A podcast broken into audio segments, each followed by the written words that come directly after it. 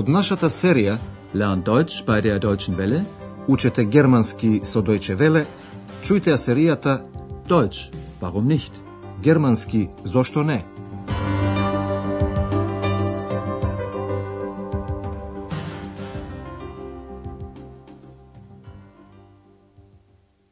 Liebe Hörerinnen und Hörer. Добар ден, почитувани слушателки и слушатели. Наред е десеттата лекција под наслов Ти сакаш секој пат да знаеш се. Du willst immer alles wissen. Во минатата лекција Андреас купи прехрамбени производи. Леб, путер, сирење и колбас. Also, ich brauche Brot und Butter. Brot und Butter, Käse und Wurst. Во самопослугата екс бараше маслинки. Обрнете внимание на именките без член. Во еднина стои неопределен член. Oliven. Es gibt Oliven. Kann ich mal eine probieren? Äh, möchten Sie noch Oliven? Nein, vielen Dank. На викендот кај Андреас во посета доаѓаат неговите родители. Чујте сега како неговите родители пристигнуваат во хотелот. Андреас Нив ги запознава со господја Бергер која се најде таму. Ваша задача е да откриете што кажува господја Бергер за Андреас. Hallo, da seid ihr ja. Wer denn? Meine Eltern. Und du bist jetzt bitte still. Tag, mein Junge. Tag, Andreas. Tag, Vater. Wie war die Fahrt? Gut, danke. Keine Probleme. Schön. Ich bin fertig. Wollen wir gehen? Guten Tag. Das sind meine Eltern. Und das ist Frau Berger, meine Chefin. Sehr erfreut, Frau Berger. Hoffentlich macht er Ihnen keinen Kummer, mein Andreas. Aber nein, er kann alles. Er ist Portier, Journalist, Bauchredner. Was?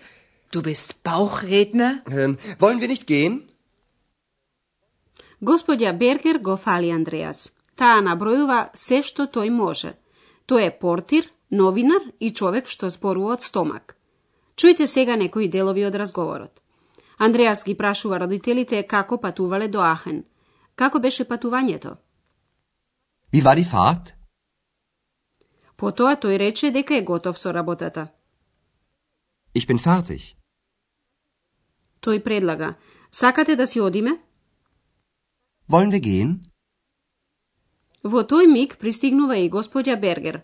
Андреас и ги представува родителите. Das sind meine Eltern. Потоа тој нив и ги представува на господја Бергер. Und das ist Frau Berger, meine Chefin.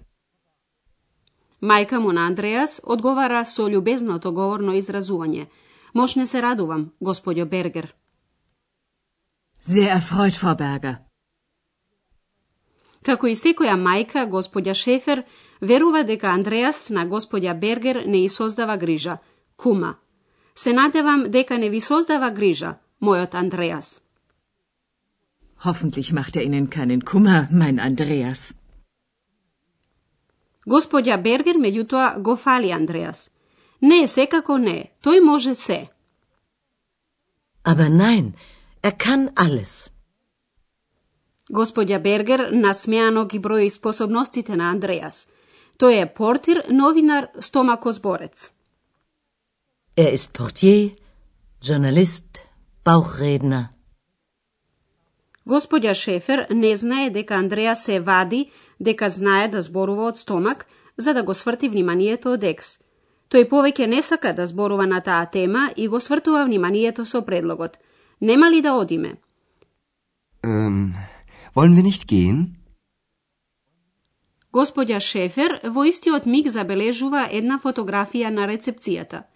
Очигледно станува збор за семејна фотографија.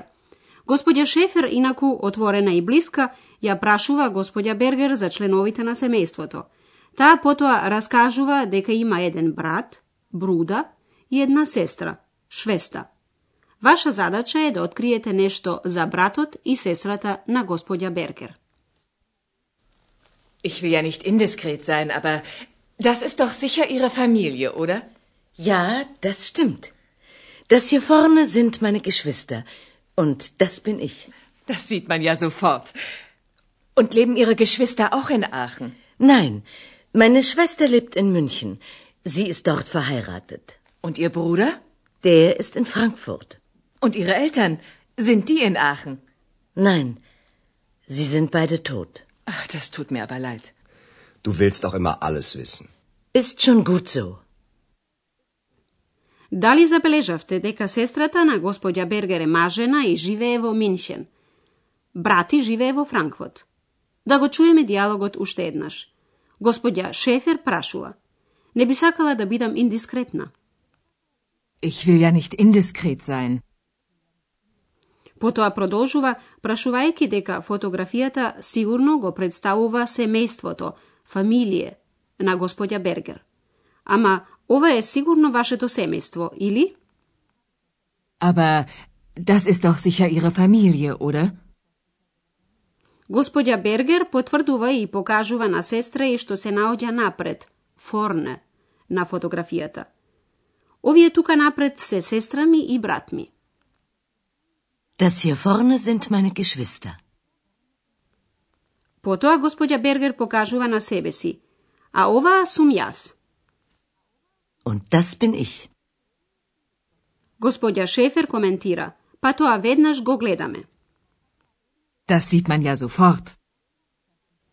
Таа продолжува прашувајќи дали братот и сестрата на господја Бергер живеат, лебен, исто така во Ахен.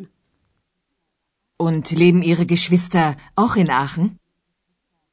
Сестра и на господја Бергер живее во Минчен, каде што е мажена. Meine Schwester lebt in München. Sie ist dort verheiratet. Брати живее во Франкфурт, а родителите на господја Бергер се мртви. Tot. Sie sind beide tot. Господја Шефер не помисли на таа можност. Таа изразува жалење. Ach, das tut mir aber leid. Андреас, кој досега молкум го слушаше диалогот меѓу двете жени, се вмешува во разговорот. Па ти сакаш секој пат да знаеш се. Du willst doch immer alles wissen. Додека Андреас и неговите родители го напуштаат хотелот, ние ќе ве запознаеме со уште еден модален глагол изборчето ја.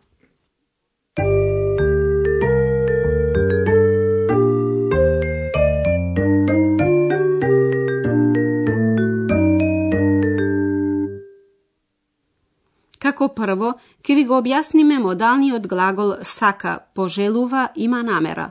Волен. „Волен“. Wollen. Модалните глаголи како dürfen, können или wollen истакнуваат важни нијансирања. Модалните глаголи, поточно речено, модифицираат изрази. Во нашиот прв пример со волен се истакнува барање. Wollen wir nicht gehen? Во двата наредни примера волен истакнува намера. Ich will nicht indiskret sein. Du willst alles wissen. А сега ќе ви го објасниме зборчето ја. Во нашите примери зборчето ја потврдува дека нешто е неоспорно, дека е јасно. Споредете ја истата реченица со и без партикулата ја. Das sieht man sofort. А сега истата реченица со ја. Јасно е дека тоа веднаш го гледаме. Das sieht man ja sofort. А сега чујте како една реченица се засилува со партикулата ја. Вие знаете дека јас не сум индискретен. Ich will ja nicht indiskret sein.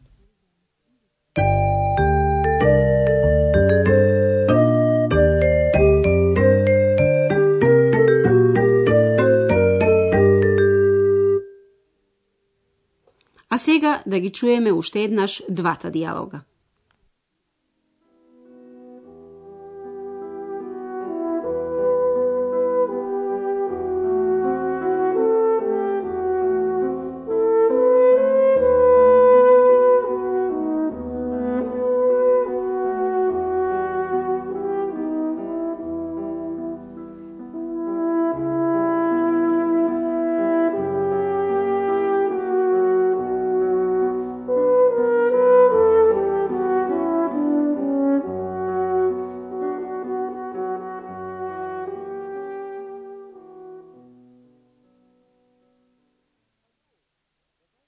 Hallo, da seid ihr ja.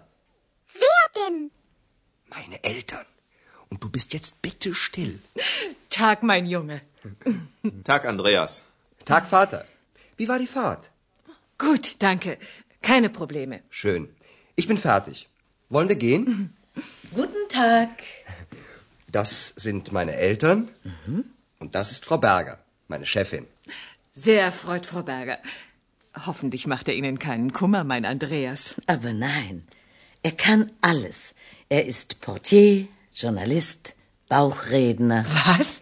Du bist Bauchredner? Ähm, wollen wir nicht gehen? Господја Шефер фотографијата на рецепцијата ја зема како повод да разговара за семејството на господја Бергер. Ich will ja nicht indiskret sein, aber das ist doch sicher Ihre Familie, oder? Ja, das stimmt. Das hier vorne sind meine Geschwister. Und das bin ich.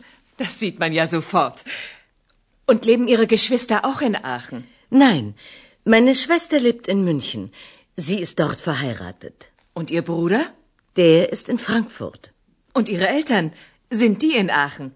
Nein, sie sind beide tot. Ach, das tut mir aber leid. Du willst auch immer alles wissen. Ist schon gut so. За денеска толку и до слушање до наредната лекција. Чис. Тоа беше германски зошто не, радиоговорен курс на Херат Мезе во продукција на Дојче Веле и на Гетовиот институт од Минхен.